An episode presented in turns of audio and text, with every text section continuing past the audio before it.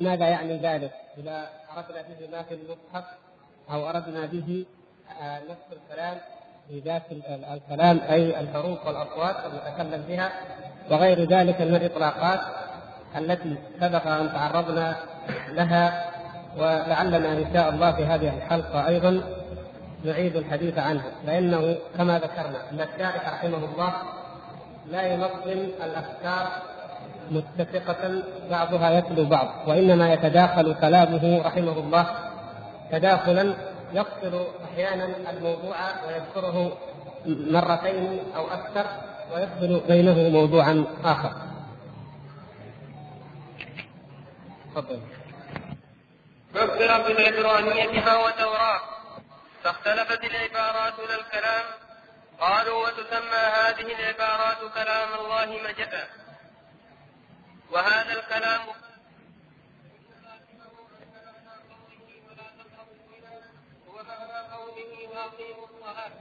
ومعنى آية الكرسي هو معنى آية الدين ومعنى سورة الإخلاص هو معنى تبت يدا أبي لهب وكل وكلما تأمل الإنسان هذا القول تبين له فساده وعلم أنه مخالف لكلام السلف. والحق أن التوراة والإنجيل والزبور والقرآن من كلام الله حقيقة وكلام الله تعالى لا يتناهى فإنه لم يزل يتكلم بما شاء إذا شاء كيف شاء ولا يزال كذلك.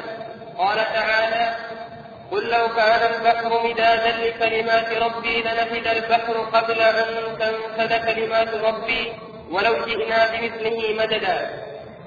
وقال تعالى ولو أن ما في الأرض من شجرة أقلام والبحر يمده والبحر يمده من بعده سبعة أبحر ما نفدت كلمات الله. إن الله عزيز حكيم. ولو كان ما في المصحف عبارة عن كلام الله وليس هو كلام الله لما حرم على الجنب والمحدث مسه ولو كان ما يقرأه القارئ وليس كلام الله لما حرم على الجنب والمحدث قراءته بل بل كلام الله محفوظ في الصدور مقروء بالألسن مكتوب في المصاحف كما قال أبو حنيفة في الفقه الأكبر. وهو في هذه المواضع كلها حقيقة. كلها وهو في هذه المواضع كلها حقيقة. وإذا قيل فيه خط فلان وكتابته فهم منه معنى صحيح حقيقي. وإذا قيل فيه مداد قد كتب به فهم منه معنى صحيح حقيقي. وإذا قيل المداد في المصحف كانت الظرفية فيه غير الظرفية المفهومة من قول القائل فيه السماوات والأرض وفيه محمد وعيسى ونحو ذلك وهذان المعنيان مغايران لمعنى قول القائل فيه كلام الله. ومن لم يتنبه للفروق بين هذه المعاني ضل ولم يهتد للصواب. وكذا.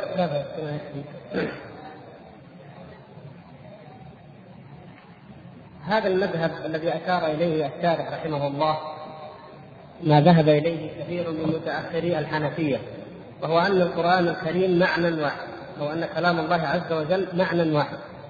ولكن تختلف العبارات فيه. هذا في الحقيقة سبق في أنه القول الثالث من الأول أول ما بدأنا في موضوع القرآن القول الثالث لما ذكر المذاهب وقد افترق الناس في مسألة الكلام على تسعة أقوال قال وثالثها أنه معنى واحد قائم بذات الله هو الأمر والنهي والخبر والاستخبار. إن عبر عنه بالعربية كان قرآنا وإن عبر عنه بالعبرية كان توراة وهذا قول ابن كلاب ومن وافقه كالأشعري وغيره.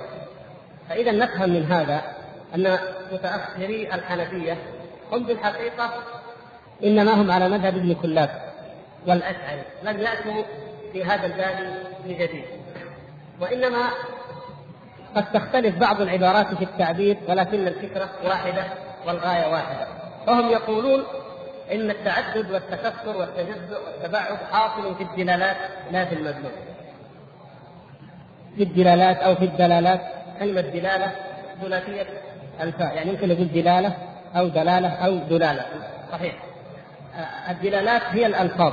الدلالات هي الألفاظ. والمدلول هو المعنى. فيقولون إن التباعد والتكسر حاصل في إيه؟ في الدلالات يعني في الألفاظ التي عبر عنها التي عبر عنها. سواء قلنا أن الذي عبر عنها هو جبريل أو عبر عنها محمد صلى الله عليه وسلم أو أن الله عز وجل خلق التعبير عنها. لكن هي في ذاتها شيء واحد. يعني كلام الله عندهم صفة ومعنى معنى قائم بذات الله سبحانه وتعالى مثل ما سبق مرارا أن أوضحنا. لكن العبارات هذه أو الكتب المختلفة التوراة الإنجيل القرآن هذه كتب مختلفة.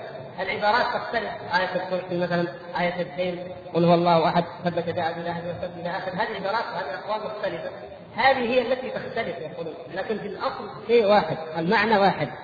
لا فرق فيه بين خبر ونهي واستقبال ولا توراة ولا إنجيل ولا قرآن. من حيث الدلالات من حيث المدلول أي المعنى. المعاني واحدة. لكن عند التعبير سواء كان المعبر هو جبريل أو محمد صلى الله عليه وسلم أو أن الله خلق هذا اللفظ الذي هو يعبر عن معناه عن عن كلامه الذي في نفسه وفي ذاته. هنا عند هذا تختلف العبارات وتختلف الدلالات أي الألفاظ. فالعبارات مخلوقة. يقول لك العبارات مخلوقة سواء كان كانت خلقا خلقه الله منفصلا أو من كلام جبريل أو محمد صلى الله عليه وسلم فهي مخلوقة. وسميت كلام الله يقال إن هذا يسمى كلام الله يقولون نعم سميت كلام الله لأنها دالة عليه. لأنها دالة عليه ومؤدية لمعناه. فيفهم يفهم كلام الله الذي هو المعنى النفسي القائم به من خلال هذه العبارات والحكايات والألفاظ الدالة عليه. وتسميتها كلام الله من قبيل المجاز. فالكلام إذا شيء واحد ولكن العبارات تختلف وهي كلها مخلوقة ويطلق عليها كلام الله على سبيل المجاز لأنها تدل على كلام الله عز وجل. هذا ملخص مذهب هؤلاء الحنفية المتأخرين. وهو مذهب غيرهم أيضا كالأشعرية وأمثالهم. وهنا يرد المؤلف عليهم بردود سهلة لكل ذي عقل وبصيرة. فيقول هذا الكلام فاسد لأن لازمه لازم هذا القول أن الأمر والنهي المتعارضين المتضادين واحد. مثلا قوله تعالى ولا تقربوا الزنا. هذا نهي عن فاحشة من الفواحش العظيمة. فهو معناه هو نفس معنى وأقيموا الصلاة وهو أمر بواجب وفرض عظيم من أركان الإسلام. فإذا على كلامهم أن المعنى واحد ولكن العبارات تختلف. يكون معنى ولا تقربوا الزنا هو معنى وأقيموا الصلاة. هذا لا يقول به عاقل ولا ولا دليل عليه أصلا. وما الداعي إلى هذا التكلف وإلى هذا التمحل؟ ليس هناك من داع في الحقيقة إلا مأزق كلامي وغلوطه كما قال رحمه الله. القاها الشيطان في انفسهم وعجزوا عن جوابها. حتى لا يثبتوا أن الحوادث تحل بالله حتى لا يثبتوا أن الله يثبت كما يقول ان هذا يقتضي المماثلة والمشابهة ونحو ذلك من التعللات. ومعنى آية الكرسي هو معنى آية الدين. يعني على هذا الكلام معنى آية الدين هو نفس معنى آية الكرسي لكن العبارات اختلفت. وهذا غير صحيح. تعلمون أن آية الكرسي هي أفضل وأعظم آية في كتاب الله عز وجل هي في صفات الله عز وجل وآية الدين هي في الأحكام. وكذلك أن معنى سورة الإخلاص قل هو الله أحد الله الصمد لم يلد ولم يولد ولم يكن له كفوا أحد. هو نفس معنى ثبت يدا إله بما وبينهما من الفرق ما تعرفونه جميعا ويعرفه كل عاقل. فهما مختلفان تماما في المعنى ومختلفان تماما في اللفظ. فلا حاجة إلى هذا القول الذي يظهر لمن تأمله سقوطه وبطلانه. وأما التوراة والإنجيل والزبور والقرآن وكلام الله جملة فيقول الشارح رحمه الله إن هذه الكتب جميعا هي كلام الله عز وجل. فهو تبارك وتعالى لم يزل يتكلم بما شاء كيف يشاء وما يزال يتكلم متى شاء يتكلم مع ملائكته الذين يصعدون كل يوم إليه جل وعلا بأعمال العباد فيسألهم عنها وهو بها أعلم جل شأنه ويتكلم مع من شاء من ملائكة الآخرين ويتكلم بالأمر الذي يريد أن يقضيه فتخر الملائكة صاعقا صعقا من خشيته ومن هيبته. وهكذا ثم يوم القيامة يتكلم الله عز وجل أيضا مع من يشاء من عباده. فالكلام كلام الله عز وجل في تكلم بالتوراة وبالإنجيل وبالقرآن وتكلم فيما مضى وما يزال يتكلم فهو آه، صفة فعلية. التكلم صفة فعلية لله عز وجل. يتكلم متى شاء بما شاء كيف يشاء. لكن على كلامه يعني هذا رد عليهم في إيش؟ في قوله منه معنى واحد. فهذا المعنى الواحد في الأزل موجود وانتهى كل شيء وإنما تختلف العبارات. طيب كيف يفسرون اذا أن الله سبحانه وتعالى يتكلم كل يوم متى شاء أو كل يوم ويتكلم يوم القيامة وتكلم فيما مضى؟ كيف يمكن أن جمع بين هذا الذي ثبتت به النصوص وبين قولهم إنه معنى واحد؟ هذا لا يمكن. لكن لو انهم اتبعوا كلام الله ورسوله وآمنوا بأن هذه النصوص هي الحق والصواب وانها تدل على أن الكلام صفة فعلية لله سبحانه وتعالى يعني يتكلم متى شاء كيف يشاء بما يشاء لما وقعوا في هذا الخلق. ويستدل المؤلف رحمه الله تعالى على ذلك بقوله تعالى قل لو كان البحر مدادا لكلمات ربي لنفد البحر قبل أن تنفد كلمات ربي ولو جئنا بمثله مددا فكلمات الله تبارك وتعالى لا تتناهى فكيف يجعلون لها معنى واحدا فقط؟ وأيضا قوله تعالى ولو أن ما في الأرض من شجرة أقلام والبحر يمده من بعده سبعة ابحر ما نفدت كلمات الله. إن الله عزيز حكيم. فهو أيضا يدل على أنها لا تتناهى. فكيف تكون معنى واحدا؟ ثم يستدل ببعض الأدلة الفقهية العقلية. يقول لو كان ما في المصحف عبارة عن كلام الله مجرد عبارة عن كلام الله مخلوقة أو قالها أحد من الناس يقول إنها مخلوقة وليست هي هي كلام الله عز وجل نفسه يقول لما حرم على الجنب والمحدث مسه يحرم على الجنب وعلى المحدث مس القرآن بأنه كلام الله. ولو كان مجرد معنى كلام الله عز وجل لما حرم ذلك. فهو إذا كان معنى مخلوق مثل سائر المعاني أو مثل كلام البشر الآخرين المخلوق فلماذا اختص وحده بأنه يحرم على الجنب والمحدث أن يمسه؟ لو أننا جئنا بإنسان وتكلم عن معاني سورة من السور كتب معاني سورة من السور كما يراها وكما يفهمها هو في ورقة. فإن هذه الورقة يمكن لأي إنسان أن يمسها ولو كان أيضا جنبا لأنه ليس فيها كلام الله عز وجل إنما فيها معنى كلام الله عز وجل أو المعاني التي يدل عليها كلام الله عز وجل. إذا هناك فرق بين بين حقيقة كلام الله عز وجل نفس كلام الله عز وجل وبين معانيه التي يدل عليها. وأيضا يقول لو كان ما يقرأه القارئ ليس كلام الله عز وجل لما حرم على الجنب والمسلم قراءته. وبالذات الجنب فنفس العبادة نفس الدلاله واحدة. يعني أن الإنسان أنه لو كان هذا القرآن مجرد معاني فالمعاني يجوز أن يقرأها الإنسان على أي حال كان أو أن يمسها لكن حقيقة كلام الله عز وجل كلام الله الذي هو كلامه الذي في المصحف المقروء فإنه لا يقرأ ولا يمس إلا على طهارة كما هو مذهب المؤلف ورجحه هنا. والمقصود هنا ليس هذا الوضع الفقهي إنما المقصود الاستدلال به على أن كلام الله عز وجل هو حقيقة. كلام الله الذي في المصاحف هو كلامه على الحقيقة وأن المعاني فهي معاني هذا الكلام وليس ما في المصحف هو معنى الكلام والكلام الحقيقي أو يعني دلالات هذا الكلام والمعنى الحقيقي أو المدلول أو هو في ذات الله سبحانه وتعالى كما يذهب إلى ذلك متاخرو الخلف عموما. ويقول بل كلام الله محفوظ في الصدور مقروء بالألسن مكتوب في المصاحف. يعني لفظه ومعناه. كلام الله عز وجل بلفظه ومعناه.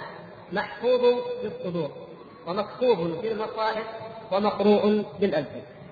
كما قال ذلك أبو حنيفة في الفقه الأكبر. وقد سبق أن قرأنا نص كلام الإمام في الحلقة الماضية. وهو في هذه المواضع كلها حقيقة. الآن يبغى يرد عليه على قوله إنه يطلق عليه كلام الله على سبيل المجاز وليس كلام الله حقيقة. فيرد عليهم بقول إن القرآن في هذه الثلاثة الحالات حالة كونه في المصاحف مكتوبا أو بالألسن مقروءا أو في الصدور محفوظا هو كلام الله عز وجل عن الحقيقة. ولكن تختلف الإطلاقات. هو حقيقة هنا وهنا وهنا. لكن الإطلاقات تختلف. ما المراد بقولنا كلام الله من حيث كتابته أي من حيث نطقه أو من حيث حسه فيقول إذا قيل فيه خط فلان وكتابته فهم منه معنى صحيح حقيقي. لو قلنا إن هذا القرآن كلام الله مثلا وهذا هو خط فلان مثلا مصطفى نصيب أو حجاج أو غير ذلك من الخطاطين. فاذا قلنا هذا خط فلان هذا المعنى حقيقي ليس مجاز. حقيقي أن هذا الخطاط كتب كلام الله عز وجل وهو أيضا كلام الله على الحقيقة لأنه هو الذي كما بينا الكلام يقال أو ينسب إلى من قاله. من قاله مبتدئا. الله عز وجل هو الذي قاله مبتدئا. فنقول كلام الله لأنه هو الذي قال وتكلم به سبحانه وتعالى وهذا كلام حقيقي لا مجاز فيه.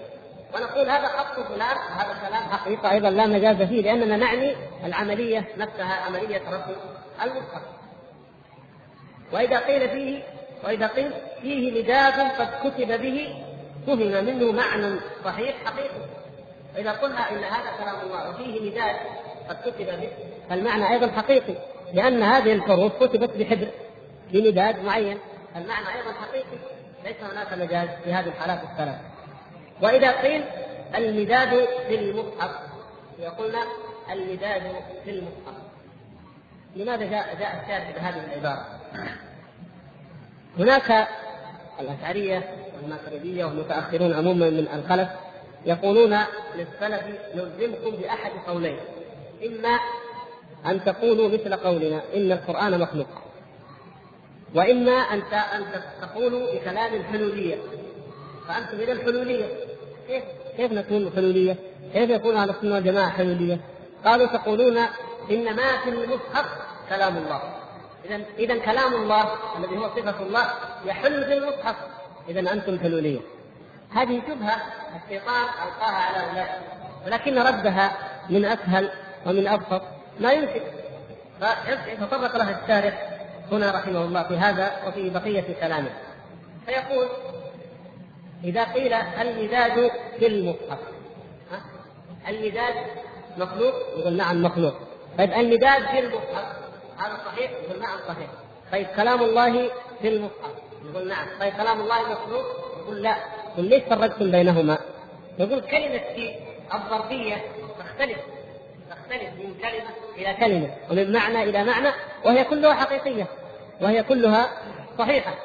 فإذا قلنا المداد في المصحف الظرفية هنا حقيقية لأن الظرف في اللغة العربية هو الوعاء أو المكان. يعني ظرف الظرف زمان أو مكان الظرفية شيء يحوي أو يعي و يستوعبه أو يستوعب يعني يكون حالا فيه مكانا أو زمانا. نعم المداد الذي هو الحبر في المصحف لأن هذا القرآن الذي هو كلام الله كتب بمداد إذا هذا إطلاق حقيقي. لكن هذا الإطلاق يختلف عن قولنا القرآن فيه السماوات والأرض وفيه محمد وفيه عيسى ونحو ذلك. لماذا؟ لما نقول القرآن في المصحف فيه المداد. طيب هذا معروف أنه فيه الحفظ الذي كتب به. نقول المصحف فيه السماوات والأرض وفيه محمد وفيه عيسى صلى الله عليه وسلم. يجي يقول واحد كيف هذا؟ يقول نعم معنى صحيح وحقيقي.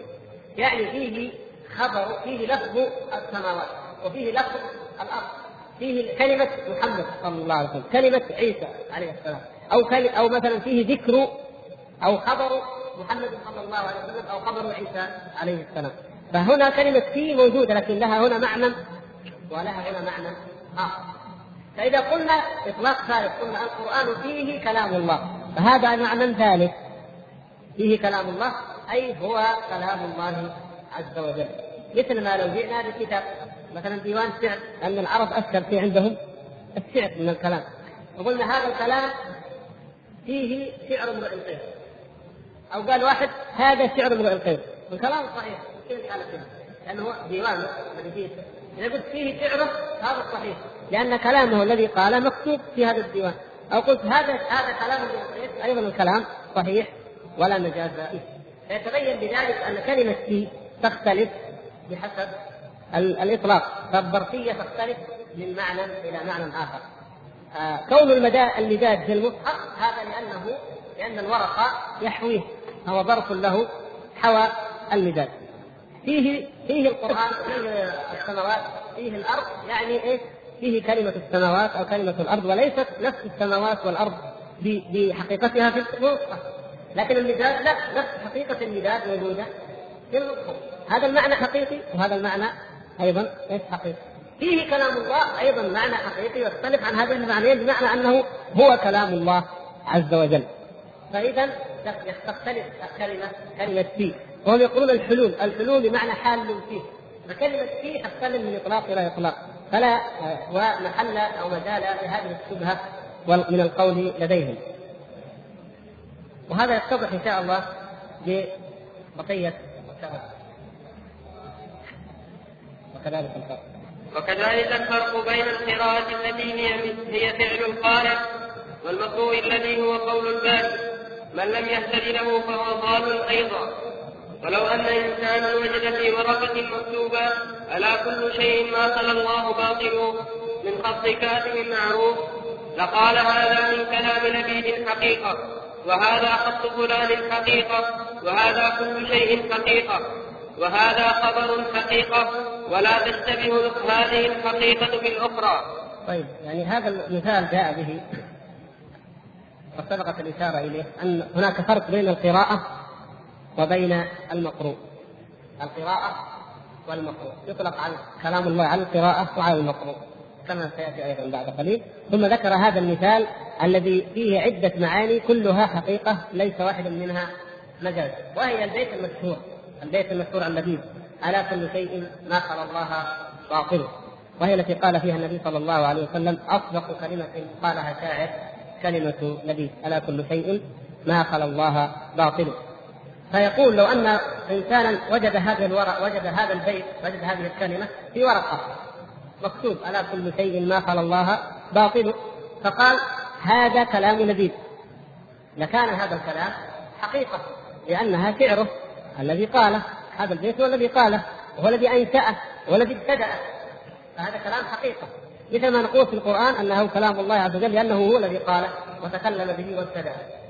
ويقال أحد وهذا خط فلان. يكون أيضا حقيقة.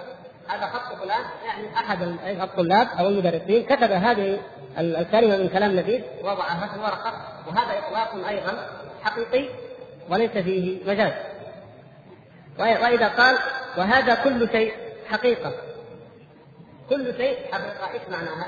يعني معناها كلمة كل شيء موجودة فيشير إلى إيش؟ يشير إلى اللفظة لا يشير إلى أنه كل الأشياء التي خلقها الله في هذه الورقة لا المقصود هنا إيش؟ العبارة كلمة كل شيء.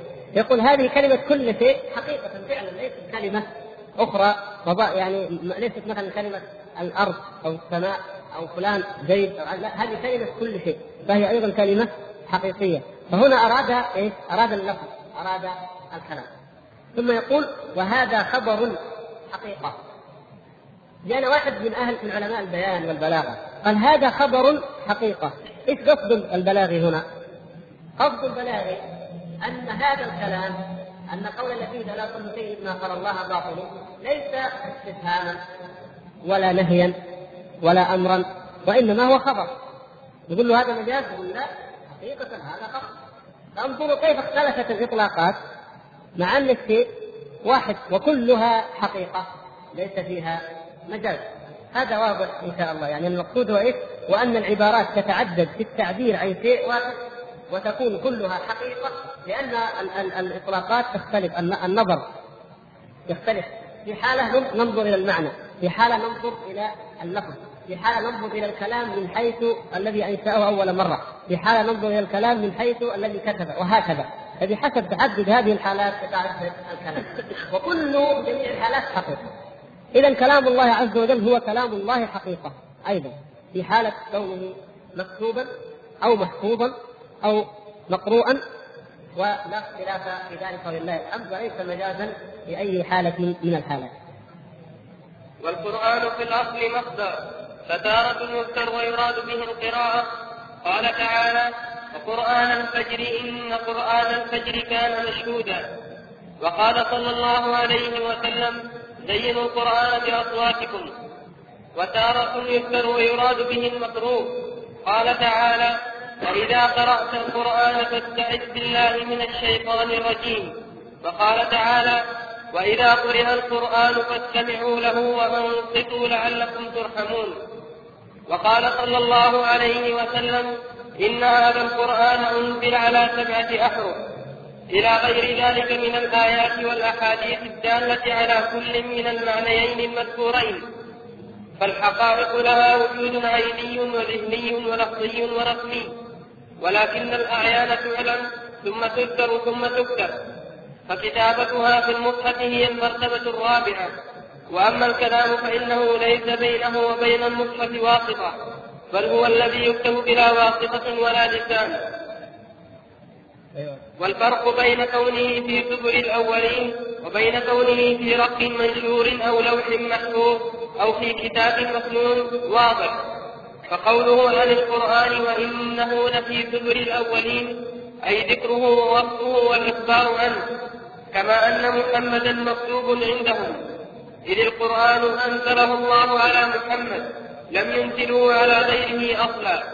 ولهذا قال في الزبر ولم يقل في الصحف ولا في الرب لأن الزبر جمع زبور والزبر هو الكتابة والجمع. فقوله وإنه لفي زبر الأولين أي مذكور أي مذكور الأولين. ففي نفس ففي نفس اللفظ واشتقاقه ما يبين المعنى المراد. ويبين كمال بيان القرآن وخلوصه من اللفظ. وهذا مثل قوله تعالى الذي يجدونه مكتوبا عندهم. أي ذكره بخلاف قوله في رق منشور ولوح محفوظ وكتاب مكنون. لأن العامل في الصرف إما أن يكون من الأفعال العامة مثل, مثل الكون والاستقرار والفصول ونحو ذلك أو يقدر مكتوب في كتاب أو في رق. والكتاب تارة يذكر ويراد به محل, محل الكتابة وتارة يذكر ويراد به الكلام المكتوب. ويجب التفريق بين كتابة الكلام في الكتاب وكتابة الأعيان الموجودة في الخارج فيه. فإن تلك إنما يكتب ذكرها وكلما تذكر الإنسان هذا المعنى وضح له الفرق. طيب.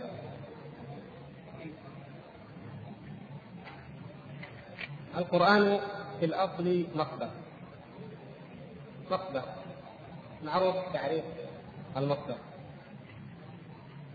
فتارة يذكر هذا المصدر ويراد به القراءة وتارة يذكر ويراد به المقروء. وهذا موجود في كلام العرب القرآن بمعناه الاصطلاحي الذي هو كلام الله عز وجل المقروء هذا معروف أنه لم يعرف إلا بعد نزول الوحي على نبينا محمد صلى الله عليه وسلم. لكن كلمة قرآن موجودة في كلام العرب من قبل. إذا ما معناها؟ معناها القراءة القراءة كانت موجودة في كلام العرب من قبل فيقصدون بها القراءة. كلمة قرأ قرآنا أو قرأ قراءة مترادفتين المعنى واحد. ومن ذلك قول الشاعر ضحوا بأشمط عنوان السجود له تقطع الليل تسبيحا وقرآنا. فهذا الشاعر يتكلم أو يصف أمير المؤمنين عثمان رضي الله تعالى عنه لما قتله أولئك الثوار الفجر الظلمة المعتدون فيقول ضحوا بأشمط عنوان السجود له يقطع الليل تسبيحا وقرآنا. يعني يمضي يمضي ليله يمضي ليله تسبيحا وقراءة. يسبح الله عز وجل يذكر الله تبارك وتعالى ويقرأ القرآن يتلو القرآن. وذلك قتلوه رضي الله تعالى عنه والمصحف بين يديه وهو يتلو كتاب الله عز وجل. أي يقطع الليل قراءة. هذا البيت جار على كلام العربي المعروف قبل نزول القرآن أنه بمعنى القراءة. وإن كان الشاعر إسلاميا أو قالها في الإسلام فالمقصود أنه في لغة العرب يطلق القرآن على القراءة. لكن بعد نزول القرآن وتسميته بهذا الاسم غلبت كلمة القرآن عند الناس وفي أذهانهم على أنها المقصود بها هو كلام الله أي ما في المصحف أما من حيث اللغة فيطلق القراءة يصح أن تستخدم كلمة قرآن بمعنى القراءة. فتقول مثلا قرآني لهذا الشيء أي قراءتي لهذا الشيء. ولا حرج في ذلك. من حيث اللغة جائز. حتى من حيث الشرع يعني ليس هذا محرم لكن لاشتهار القرآن حتى أصبح علما على كتاب الله عز وجل فلا تستخدم هذه الكلمة يعني أهملت من من الاستعمال وإلا فهي جائزة وصحيحة. والمقصود أن القرآن يطلق ويراد به القراءة وقد جاء ذلك أيضا في القرآن. كما قال الله تبارك وتعالى وقرآن الفجر إن قرآن الفجر كان مشهودا أي قراءته. فليس المقصود هو المصحف الكتاب الذي هو كلام الله وإنما قراءة القرآن. وقوله صلى الله عليه وسلم زينوا القرآن بأصواتكم المقصود زينوا قراءتكم للقرآن. بأصواتكم بأن يقرأه الإنسان محسنا مزودا مرتلا. وتارة يذكر ويراد به المقروء. وهذا هو الغالب وهذا هو الذي يطلق عليه القرآن. القرآن بمعنى المقروء الذي هو كلام الله الذي نقرأه. كقوله تعالى فإذا قرأت القرآن فاستعذ بالله من الشيطان الرجيم. يعني إذا ابتدأت تقرأ القرآن فالقرآن هنا بمعنى المقروء. الذي سوف تقرأه من كلام الله عز وجل. ابدأه بالاستعاذة بالله من الشيطان الرجيم. وإذا قرئ القرآن فاستمعوا له وأنصتوا لعلكم تفهمون فمعروف أنه سماع المقروء إذا أحد إن أحد قرأ كلام الله عز وجل فأنصت له واستمع واستمع. وقوله صلى الله عليه وسلم إن هذا القرآن أنزل على سبعة أحرف. كما تعلمون معناه إن هذا القرآن يقرأ أو مقروء بسبعة أحرف. تقرؤونه بسبعة أحرف. فالمقصود هنا هو إيه؟ هو المقروء. وهذا المعنى أيضا واضح إن شاء الله. فهناك يعني آيات وأحاديث تدل على أن هناك فرقا بين هذين المعنيين. بين القرآن بمعنى القراءة وبين القرآن بمعنى المقروء. وهنا ينتقل المؤلف إلى التفريق من حيث الظرفية ومن حيث الحلول كما ذكرنا الاستدلال أو رد شبهة أولئك القائلين بالحلول. فبالتفريق بين الأعيان وبين المعاني الكلام أو المعاني من حيث الوجود ومن حيث من حيث وجودها أو ظرفيتها في الشيء وجودها في الشيء أو ظرفيتها في الشيء كما أيضا عبر في آخر الكتاب في آخر الكلام الذي قرئ ما المراد بهذه المعاني الأربعة؟ يقول إن الحقائق لها وجود عيني وذهني ولفظي ورفضي. الكلام هذا قد يبدو أنه صعب لكن هو في الحقيقة مبسط أو سهل اذا إن شاء الله يعني رأينا الذهن فيه لكي نفهمه. يقول الاشياء الأشياء عموما لها عدة وجودات. وجود عيني الوجود العيني يعني وجود العين ذاته الحقيقة ذاتها. نأخذ مثال على ذلك. مثلا الجبل مثلا.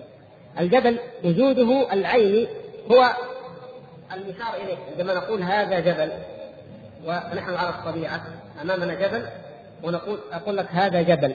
هذا الجبل وجوده هنا اسمه الوجود العيني عين الجبل وحقيقته ذات الجبل. هذا وجود من الوجودات. والوجود الآخر وجود ذهني. الوجود الذهني اني أقول لك أنا في ذهني جبل معين أتخيل أو أتصور. إذا إيش إيش أتكلم هنا إيش؟ عن شيء في الذهن؟ وجود ذهني تصور معين لذات جبل ما أو هيئة لجبل ما. فهو يوجد أيضا في إيش؟ في الذهن. ووجود لفظي عندما أقول كلمة جبل فهذا أنا أقول لك أنا قلت جبل هذه الثلاثة الأحرف. وما قلت مثلا شجرة ولا قلت زيد أو عمرو إنما انما قلت جبل فعندما اتي إليك أقول هذا جبل وأنا أقصد إيش؟ هذه الكلمات أو هذه الحروف أو هذه الألفاظ هي إيش؟ جبل يعني جيم وباء ولاء حتى لا تشتبه عندك من يقول مثلا جمل لا يقول لك لا جبل فأنا أبين لك إيش؟ وجوده هنا إيش؟ وجود لفظي والوجود الرابع هو الوجود الرسمي الوجود الرسمي يعني الرسم الرسم والخط والكتابة فأنا أقول أكون كتبت كلمة جبل واقول لك هذا جبل يعني معنى إنه إيش؟ هذا رسم أو شكل كلمة جبل. فنجد إنه في كل إطلاق المعنى يختلف. هنا له معنى وهنا له معنى وهنا له معنى. لكن في المجموع الكلام كله صحيح وكله حقيقي وليس فيه مجاز. لكن يقول إيش؟ الأعيان تعلم يعني الأعيان الحقيقية الخارجية تعلم ثم تذكر ثم تكتب. فكتابتها في المصحف هي المرتبة الرابعة. يعني طبعا ثم تنصر لكن المقصود إيش هنا؟ أنه يعني يجب أن نفهم من كلمة ثم ليست بالضرورة. يعني ليس بالضرورة انها أنها ترتيب مراتب أربع. لكن نقول الأعيان الموجودات كالجبل مثل ما قلنا إيش؟ الجبل يعلم يوجد في الخارج ويعلم بمعنى أنه يتصور حقيقته في الذهن ويذكر يعني ينطق به على اللسان وإيش؟ ويكتب فله أربع حالات أو أربع تعينات في الوجود هذا هو المقصود يعني كلمة ثم قد توهم لأنه كأنها مراتب أربع لا بد أن تمر كل واحدة بما قبلها فكتابتها في المصحف أو في الصحف هي المرتبة الرابعة يعني هي إيش؟ الوجود الرابع من أنواع الوجود ولا أكثر من ذلك. يقول أما الكلام فإنه ليس بينه وبين المصحف واسطه بل هو الذي يكتب بلا واسطه ولا لسان. يعني المقصود أن الكلام ليس له وجود عيني الوجود العيني غير موجود ليس هو مخلوق متشخص قائم بذاته نشير إليه نقول هذا هو الكلام لما نشير يقول هذا هو الكلام لابد أن إيه؟ اشير فقط إما إلى اللفظ الذي أنا أتكلم به يعني الوجود اللفظي وإما إلى الوجود الرسمي الذي هو الكتابة أو الحوار أقول لك هذا كلام فلان يعني الذي أنطق به أو هذا كلام فلان الذي هو إيه؟ مكتوب. فلا واسطة يعني بين هذا وذاك يعني ليس له وجود حقيقي بذاته. فزي ما قال هنا في الأخير يقول الكتاب يذكر تارة ويراد به محل الكتابة. وتارة يذكر ويراد به الكلام المكتوب. ويجب التفريق بين كتابة الكلام في الكتاب كتابة الكلام في الكتاب وكتابة الأعيان الموجودة في الخارج. لما أبغى أنا أكتب جبل إما أن أرسم مثلا فرضا أو أكتب أرسم نفس الكلمة كلمة جبل أكتبها. فهذا عين موجودة في الخارج ها؟ لكن يعني المقصود هنا إيش؟ فإن تلك إنما يكتب ذكرها. يعني هل يمكن نقول انه كتابة الجبل أو كتابة السماء أو كتابة الأرض أو كون الأرض أو السماء أو الجبل في في كتاب إيش معناه؟ معناه ذكرها أو لفظها أو حروفها فقط الحروف التي يتكون منها وليس حقيقتها العينيه. أما الكلام فإن حقيقته هي التي تكتب. يعني الكلام نفسه يكتب لأنه ينطق من اللسان فيكتب في الكتاب كما هو فيطلق على المكتوب ويطلق على المنطوق فهذا واضح المخالفة للأعيان. فنقول إذا إذا قالوا أنكم تقولون بالحلول فنقول لا. فرق بين الحقائق العينية بين الأعيان المتشخصة الذوات المتعينة في الخارج وبين العبارات أو بين الكلام. الكلام يطلق على ما هو اللفظ وهو إيه؟ المكتوب. إما أن يتلفظ به وإما أن يكتب وليس هناك وجود له وجود خارجي متشخص فإذا قلنا كتبنا كلام فلان فمعنى ذلك إننا نقلناه من لفظه الذي تكلم به إلى الواقع. لكن الأعيان إذا قلنا كتبت الجبل أو كتبت السماء أو كتبت الأرض أو كتبت زيت فمعنى ذلك اني كتبت اللفظ أو الاسم الذي يدل على زيت. الوجود إيش الرسمي أو اللفظي فقط. فكتبت الوجود إيش الرسمي الذي عبر عبرنا عنه. بالوجود اللفظي والذي هو في الحقيقة تعبير عن إيش؟ عن شخص حاجة حقيقية موجودة. اذا لما يقولون القرآن كلام الله يقولون هم لا القرآن عبارة عن كلام الله وهذا المكتوب أو هذا المنقوب ليس هو كلام الله وإنما كلام الله شيء آخر فاذا هم الذين تصوروا وافترضوا كأن القرآن ذات مشخصة موجودة في الخارج فلما أردنا أن نذكرها أو نضعها في المصحف نقلنا كتبنا لفظها وجودها اللفظي أو وجودها الرسمي. وهذا واضح البطلان. فإن القرآن أو الكلام في الجملة حتى كلام الناس في الجملة ليس له وجود عيني متشخص وليس ذات خارجية حقيقية. وإنما هو مباشرة من المتكلم إلى الورق. هذا يعني هو المقصود من هذه العبارات. طيب يقولون أيضا الإطلاقات. أو الظرفية.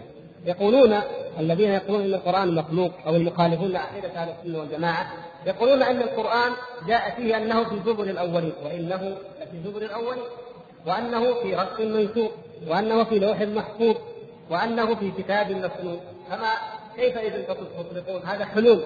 ونقول أنتم لا تفهمون. أنتم لا تفهمون معاني كلام الله عز وجل. فالإطلاقات تختلف. له في كل إطلاق هنا في كل موضع له معنى. الإطلاق على له معنى غير المعنى الذي أطلقناه عليه في الموضع الآخر. فقوله تعالى وإنه لفي زبر الاولين لا يعني أن القرآن نفسه كلام الله عز وجل هو موجود بنفس نفس الكلام موجود في زبر الأولين أي في مزبورهم كما وضح المؤلف. يعني الزبر هي الصحف. ليس معنى ذلك أنه موجود هو القرآن في كتب الأولين أو في صحفهم أو في زبورهم إنما معنى ذلك أنه موجود فيه خبره وذكره. كما يقول كما قال الله تبارك وتعالى عن نبينا محمد صلى الله عليه وسلم الذي يجدونه مكتوبا عندهم في التوراة. يجدون خبر النبي صلى الله عليه وسلم مكتوبا عندهم في التوراة. أيضا يجدون خبر القرآن مكتوبا عندهم في زبر الأولين وفي صحف الأولين. وأما وأما كونه في رق منشور أو في لوح محفوظ أو في كتاب مكنون فايضا يقول إيه؟ هنا بحسب العامل. معلوم في اللغة العربية أن الظرف يقدر له عامل. العامل هذا قد يكون عاما الأفعال العامة مثل الكون الاستقرار الحصول معنى هذا بسيط جدا يا أخوان. إيش معنى الألفاظ الكون؟ ولا يعني يقول إذا قلنا محمد في المسجد النحويون يقدرون أن كلمه الجار والمجرور متعلق بفعل من الأفعال الكون عام. يعني محمد يكون في المسجد. محمد مستقر في المسجد. محمد حاصل في المسجد. فغالبا كلمة في أي ظرف أي ظرف أي حرف من حروف الجر والكلام هنا عن الظرفية في طبعا حرف جر لكنها تدل عليه على الظرفية واللام للملكية مثلا وعلى العلو كل كل حرف جر له معنى. فالفي هنا الظرفية هنا إيه تختلف بحسب العامل المعلقه قد يكون العامل فعلا عاما الكون والاستقرار وهذا هو الغالب يعني بإمكانك في أي وقت من الأوقات تجد كلمة في أن تقدر كائن أو يكون أو يستقر أو يحكم أي كلمة. أخي على طريق الحق. هنا منتصف الشريف المعنيين ليس جائز انك تقدر تعلق على فعل الكون العام. يعني مثلا تقول القرآن في لوح محفوظ أي موجود مستقر حاصل إلى آخره كائن في اللوح المحفوظ. هذا حقيقة. تقدر بفعل اخف فتقول القرآن مكتوب في اللوح المحفوظ أو في رق منشور هذا أيضا معنى صحيح. إلى أن يقول العبارة التي قرأناها أي أن الكتاب تارة يذكر ويراد به محل الكتابة. تارة يذكر الكتاب ويراد به محل الكتابة أي ظرف الكتابة. وتارة يذكر ويراد به الكلام المكتوب نفسه. الكلام المكتوب نفسه أو الكلام المقروء نفسه. فإذا أنا قلت هذا الكتاب وأنا مثلا شرح العقيدة الصحوية يقول أنهينا قراءة شرح العقيدة الصحوية معنى إيه؟ أنهينا قراءة الكلام الذي هو الكتاب الذي كتب في هذا في هذا الورق. وإذا قلت هذا هو كتاب العقيدة الصحوية وهذا هو شرح فلان للعقيده فمعنى ذلك أنه محل المحل الذي يحوي هذه هذا الكتاب وهو الظرف الذي حصل فيه. فيقول يجب التفريق بين كتابة الكلام بالكتاب. هذا إيضاح لما سبق يجب أن نفرق بين كتابة الكلام بالكتاب وكتابة الأعيان الموجودة في الخارج. كتابة الكلام لا واسطة بين اللفظ وبين الرسم. يلفظ ويرسم. وأما كتابة الأعيان فإنها كما سبق أن أنه لا يكتب لا تكتب الأعيان الحقائق ذاتها الجبل الشجرة محمد زيد عمرو. لا يكتب هو بنفسه يوضع في الورق. وإنما يكتب إيه؟ خبره أو رسمه أو لفظه أو أي معنى من هذه المعاني. فالخلاصة أن القرآن هو كلام الله عز وجل وأنه آه، ليس كما يقولون معنى واحد ولكن الألفاظ تتعدد والعبارات تختلف. بل كلام الله عز وجل على الحقيقة. تكلم الله عز وجل في التوراة. وتكلم بالإنجيل وبالقران وبالزبور يتكلم بالأمر ويتكلم بالنهي ويتكلم بالخبر ويكلم من شاء متى شاء كيف شاء. في الماضي وفي الحاضر والمستقبل فالأمر يعود إلى مشيئته وإلى إرادته سبحانه وتعالى. وليس شيئا من كلام الله مجاز ولا يطلق على القرآن في أي حالة من الحالات إنه مجاز سواء كان محفوظا في الصدور أو متلوا بالألسن أو مكتوبا في في, الورق لا يقال إنه مجاز باي حال من هذه الحالات الثلاث ولكن الإطلاقات تختلف. ونرد على الذين يقولون بأنكم آه ان أن هذا يقتضي الحلول بما سبق أن أوضحناه من اختلاف معنى الظرفية ومعنى الحالية واختلاف الإطلاقات التي يطلق القرآن ويراد بها. وأنه يطلق على القراءة ويطلق على أي يطلق على فعل العبد ويطلق عليه كلام الرب سبحانه وتعالى. وأنه لا معارضة بين كونه في زبر الأولين وبين كونه في اللوح المحفوظ وبين كونه في كتاب مكنون أو في رسم منشور وبين كونه والذي قرأه فلان أو الذي كونه سمعه فلان فهذه كلها على الحقيقة. وإنما تختلف من حال إلى حال بأن يكون المقصود في موضع خبره في موضع كتابته وفي موضع قراءته على المسموعة وأمثال ذلك من الإطلاقات وحقيقة كلام الله تعالى الخارجية هي ما يسمع منه أو من المبلغ عنه فإذا سمعه السامع علمه وحفظه فكلام الله مسموع له معلوم محفوظ.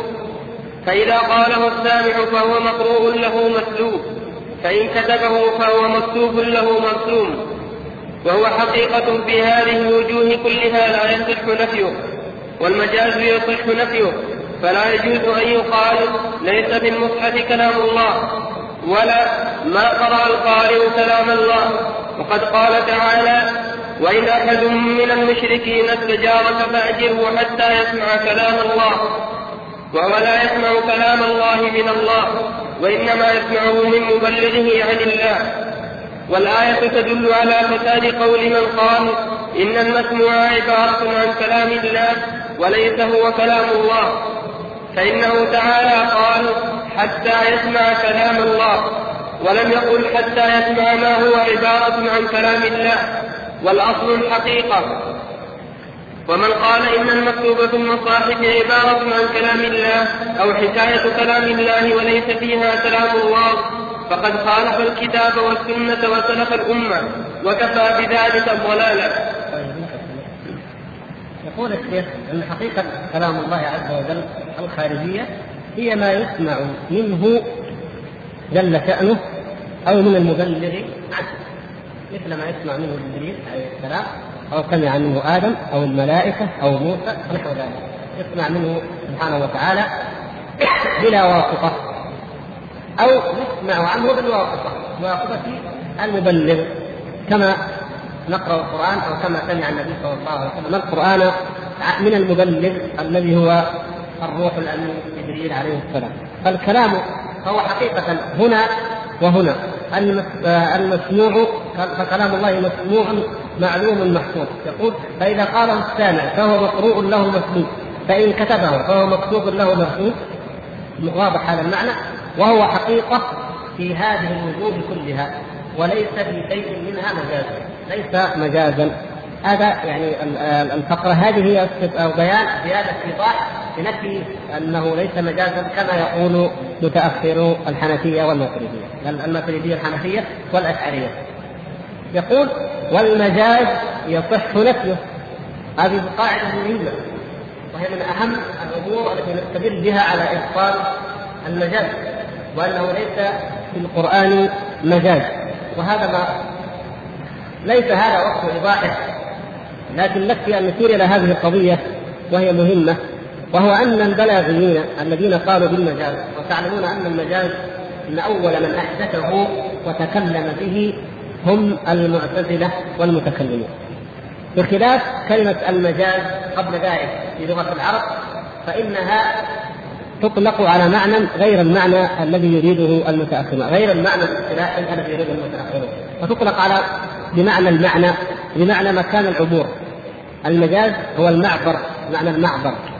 مجاز كذا يعني المعبر تجوز منه تجوز منه أي تعبر منه إلى مكان آخر. هذا أصله في اللغة المقصود أن المجاز يفوق نفسه. فإذا يقولون هم إذا دخل رجل كريم وقلت انت قلت أنت أو أنا مثلا دخل البحر بمعنى الرجل الكريم أو أو الكثير العلم يشبهه بالبحر في كرمه وفي عزارة علمه. فإن المجاز يجوز نسله يجوز أن يأتي واحد جالس ويقول هذا ليس بحرا ولكنه رجل. وكلام هذا المعترض الناسي صحيح. وكلام المتكلم طبعا صحيح يقولون هو صحيح مجازا لكن كلام الناسي صحيح. هذا الذي يهمنا. لماذا صحيح؟ لأنه كلام واقع. يعني نفى ما قلته أنت على سبيل المجاز وأثبت الشيء على حقيقته لأن هذا الرجل ليس بحرا ليس هو الماء المعروف الموجود وإنما هو رجل شخص موجود. إذا المجاز يجوز نفيه. فهذه القاعدة من أهم ما يجب علينا أن نعرفه لنرد به قول من يقول إن في القرآن مجاز ولا سيما في آيات الصفات. كيف يعني؟ إذا جاء واحد قال تبارك الذي بيده الملك. مثلا لا بل يداه مبسوطتان مثلا بل يداه مبسوطتان يقول معناها نعمته. معنى ذلك نعمته نعمه إفضاله مبسوط للخلق والقرينة قال قرينة ينفق كيف يشاء. هذه قرينة على أن المقصود هو الإنفاق. طيب. جاء واحد يجوز أن يقول على علامة هذه يجوز أن يقول ليس لله يدين أليس كذلك؟ ليس له يدان. وهذا هو وهذا هو حقيقة مذهب الذين ينفون صفات الله عز وجل. فعلا. يقول ليس لله يد. والمقصود بالآية هو النعم والإفضال والكرم والإنفاق. هذا هو حقيقة المساجد لكن لو جاء أحد فرضا عشان نعرف الفرق بين تفسير الآية في جملتها وبكمالها وبين تفسير أو بين اللفظة التي هي تجري على اختلاف أهل الأهواء والبدع وينفون بها الصفات. لو جاءنا واحد من علماء السلف من أهل السنة والجماعة وقال لنا معنى قوله تعالى بل يداه مبسوطتان ينفق كيف يشاء معناها أن الله تبارك وتعالى كريم ينفق ويعطي ويتفضل على عباده هذا نجد مثل هذا الكلام يأتي المبتدعة ويقولون لسنا نحن الذين أولنا. انظروا هذا ابن جرير مثلا هذا الطبري مجاهد ابن جرير الطبري هذا مجاهد هذا عكرمه هذا ابن عباس يقول هذا الكلام. اذا لسنا نحن مؤولين. نقول قفوا لابد أن تعرفوا الفرق فرق بين من نظر إلى معنى الآية. معنى الآية نعم معنى بل يداه مبسوطتان ينفق كيف يشاء معناها؟ الإنفاق والتفضل والتكرم للعام ولكن هل نفى الحقيقة؟ هل هل اعتبر ذلك مجازا ونفى الصفة؟ هل ابن عباس نفى الصفة؟ هل مجاهد نفى الصفة؟ هل الطبري نفى الصفة؟ لا. أما أنتم فإنكم تعبرون بالمعنى على أساس أنه مجاز وتنفون الحقيقة، يعني تنفون الحقيقة فعلا. فيقولون ليس له يد. ليس له يد. لذلك كما قال الإمام الدارمي رحمه الله يقول اليهود أثبتوا يدين يد مغلولة أو يدان مغلولتان. وقالت اليهود يد الله مغلولة؟ غلت أيديهم ولعنوا بما قالوا بل يداه مبسوطتان اليهود قالوا اليد مغلولة. والله عز وجل قال اليد مبسوطه هذا هذا هو الخلاف الذي حصل بينهم. هل هي مغلولة أو هل هي مبسوطه فجاء المعطلة وقالوا ليس له يد. يعني خرجوا عن كلام الله. وعن كلام اليهود. يعني ما كان ما كان خلاف اليهود بنفس الصفة. ولا رد الله عز وجل عليهم بانه ليس له يد. فلو قال يد الله مغلولة. وليس لله يد. لكان الرد عليهم ليس له يد. فيكون هذا رد عليهم طلب دائما الدخول في التفاصيل. ليس له يد. لكن هم يقول إيه؟ يد مغلولة. الله عز وجل قال يداه مبسوطتان فهنا اختلفت الخلاف كان بين الغلول وبين البسط فجاء النفاة نفاة الصفات فنفوا نفوا وجود اليد نفسه أصلا قال بهذا يتضح لك مخالفتهم للحق وخروجهم عن الطريق المستقيم. المقصود أن هذه قضية مهمة وذكروا معنا نأخذ هذه القاعدة قاعدة أن المجاز يجوز نفسه. فيجوز لأحد على على قولهم ان القرآن كلام الله عز وجل. يعني الحقيقة يجوز نفسها في المجاز فنقول إيش؟ وإن أحد من المشركين استجارك فأجره حتى يسمع كلام الله. هذا كلام الله عز وجل. يجوز اذا أن يأتي أحد من الناس فيقول هذا ليس كلام الله. هذا عبارة عن كلام الله. على هذا المعنى يمشي ما هو كلام الله. هذا مجاز المقصود به هو عبارة عن كلام الله. وبذلك يتضح لنا فساد وبطلان هذا المذهب. إذا جاء واحد يقول يمسك المصحف ويرميه أو يهينه والعياذ بالله هذا كلام الله. يجي واحد يقول لك لا لا هذا مجاز هذا مو كلام الله هذا عبارة عن كلام الله هذا مجرد مجاز وهكذا في أي موضع يمكن أن يسمع القرآن أو يتلى أو يحفظ أو يتكلم عن المصحف يمكن أن تنفى الحقيقة لأن نفي الحقيقة جائز عند علماء البلاغة الذين يتكلمون ويتحدثون عن المجاز. فاذا الكلام حقيقة سواء سمع من المتكلم بلا واسطة كما سمع جبريل أو موسى من الله عز وجل أو بواسطة كما في هذه الآية وإن أحد من المشركين استجارك فأجره حتى يسمع كلام الله فهذه حقيقة فإن المجار الذي يجار يسمع كلام الله معلوم أنه لا يسمع كلام الله من المتكلم به الذي هو الله عز وجل وإنما من المبلغ عنه أي الذي يقرأ كلامه عز وجل سواء كان النبي صلى الله عليه وسلم أو غيره. اذا يقول إيش؟ لم يقل الله عز وجل حتى يسمع ما هو عبارة عن كلام الله. والأصل في الكلام هو الحقيقة. اذا الحقيقة يجوز نفيها عند علماء المجاز هذه قضية، القضية الثانية الأصل في الكلام هو الحقيقة، يعني الأصل عندما أقول بحر أنني أعني البحر المعروف الماء، عندما أقول أسد أنني أعني الوحش المختلف ولا أعني الرجل الشجاع، هذا هو الأصل في اللغة، ولا يخرج عن ذلك إلا بشيء بدليل، فعندما يقول الله عز وجل وإن أحد من المشركين استجارك فأجره حتى يسمع كلام الله. فإن هذا الحقيقة. يحمل على الحقيقة لا على المجاز لأن الحقيقة هي الأصل. وإن كان لا يسمع كلام الله منه جل وعلا ولكن يسمعه ممن يبلغه عنه فهو حقيقة في كلا الحالتين في حال سماعه بلا واسطة أو في حال سماعه بواسطة من المبلغ ومن قال يقول رحمه الله ومن قال إن المكتوب في المصاحف عبارة عن كلام الله أو حكاية كلام الله وليس فيها كلام الله. يعني نفى نفى الحقيقة. بل الذي في المصحف ليس كلام الله وإنما هو عبارة أو حكاية عن كلام الله فقد خالف الكتاب والسنة وسلف الأمة وكفى بذلك ضلالا. فإنه لم يأتي كما تعلمون لم يأتي لا في كتاب الله. ولا في سنة رسول الله صلى الله عليه وسلم ولا في كلام النبي صلى الله عليه وسلم ولا حتى أحد من سلف الصحابة أنهم قالوا إن هذا ليس هو حقيقة كلام الله وإنما هو عبارة أو حكاية أو ما أشبه ذلك عن كلام الله عز وجل ابدا وإنما كانوا يؤمنون ويعتقدون أنه كلامه عز وجل على الحقيقة. هذا هو ما جاء به, به الكتاب. وما جاءت به السنة في أحاديث كثيرة لا تحصى وما هو مشهور معلوم عند المسلمين خاصتهم وعامتهم في الصف الأول لم يخالف في ذلك أحد حتى ظهر ابن كلاب وظهر معه من قال إنه كلام إنه عبارة عن كلام الله أو حكاية أو ما أشبه ذلك من المعاني التي ابتدعوها ووضعوها وقالوها على الله تبارك وتعالى بغير علم. نتيجة الجهل ونتيجة كما قلنا استفحام المبتدعة أو محاوله استفحام المبتدعة أو الرد على المبتدعة بغير منهج الكتاب والسنة فالمبتدع يرد عليه بالكتاب والسنة أو بما دل عليه لا بالهوى ولا يرد على بدعة ببدعة أخرى. يكفينا حقيقة إلى هذه الفقرة فقرة نقرأ الاسئله إن شاء الله تعالى بعد الصلاة ونسأل الله سبحانه وتعالى أن يرزقنا وإياكم الفهم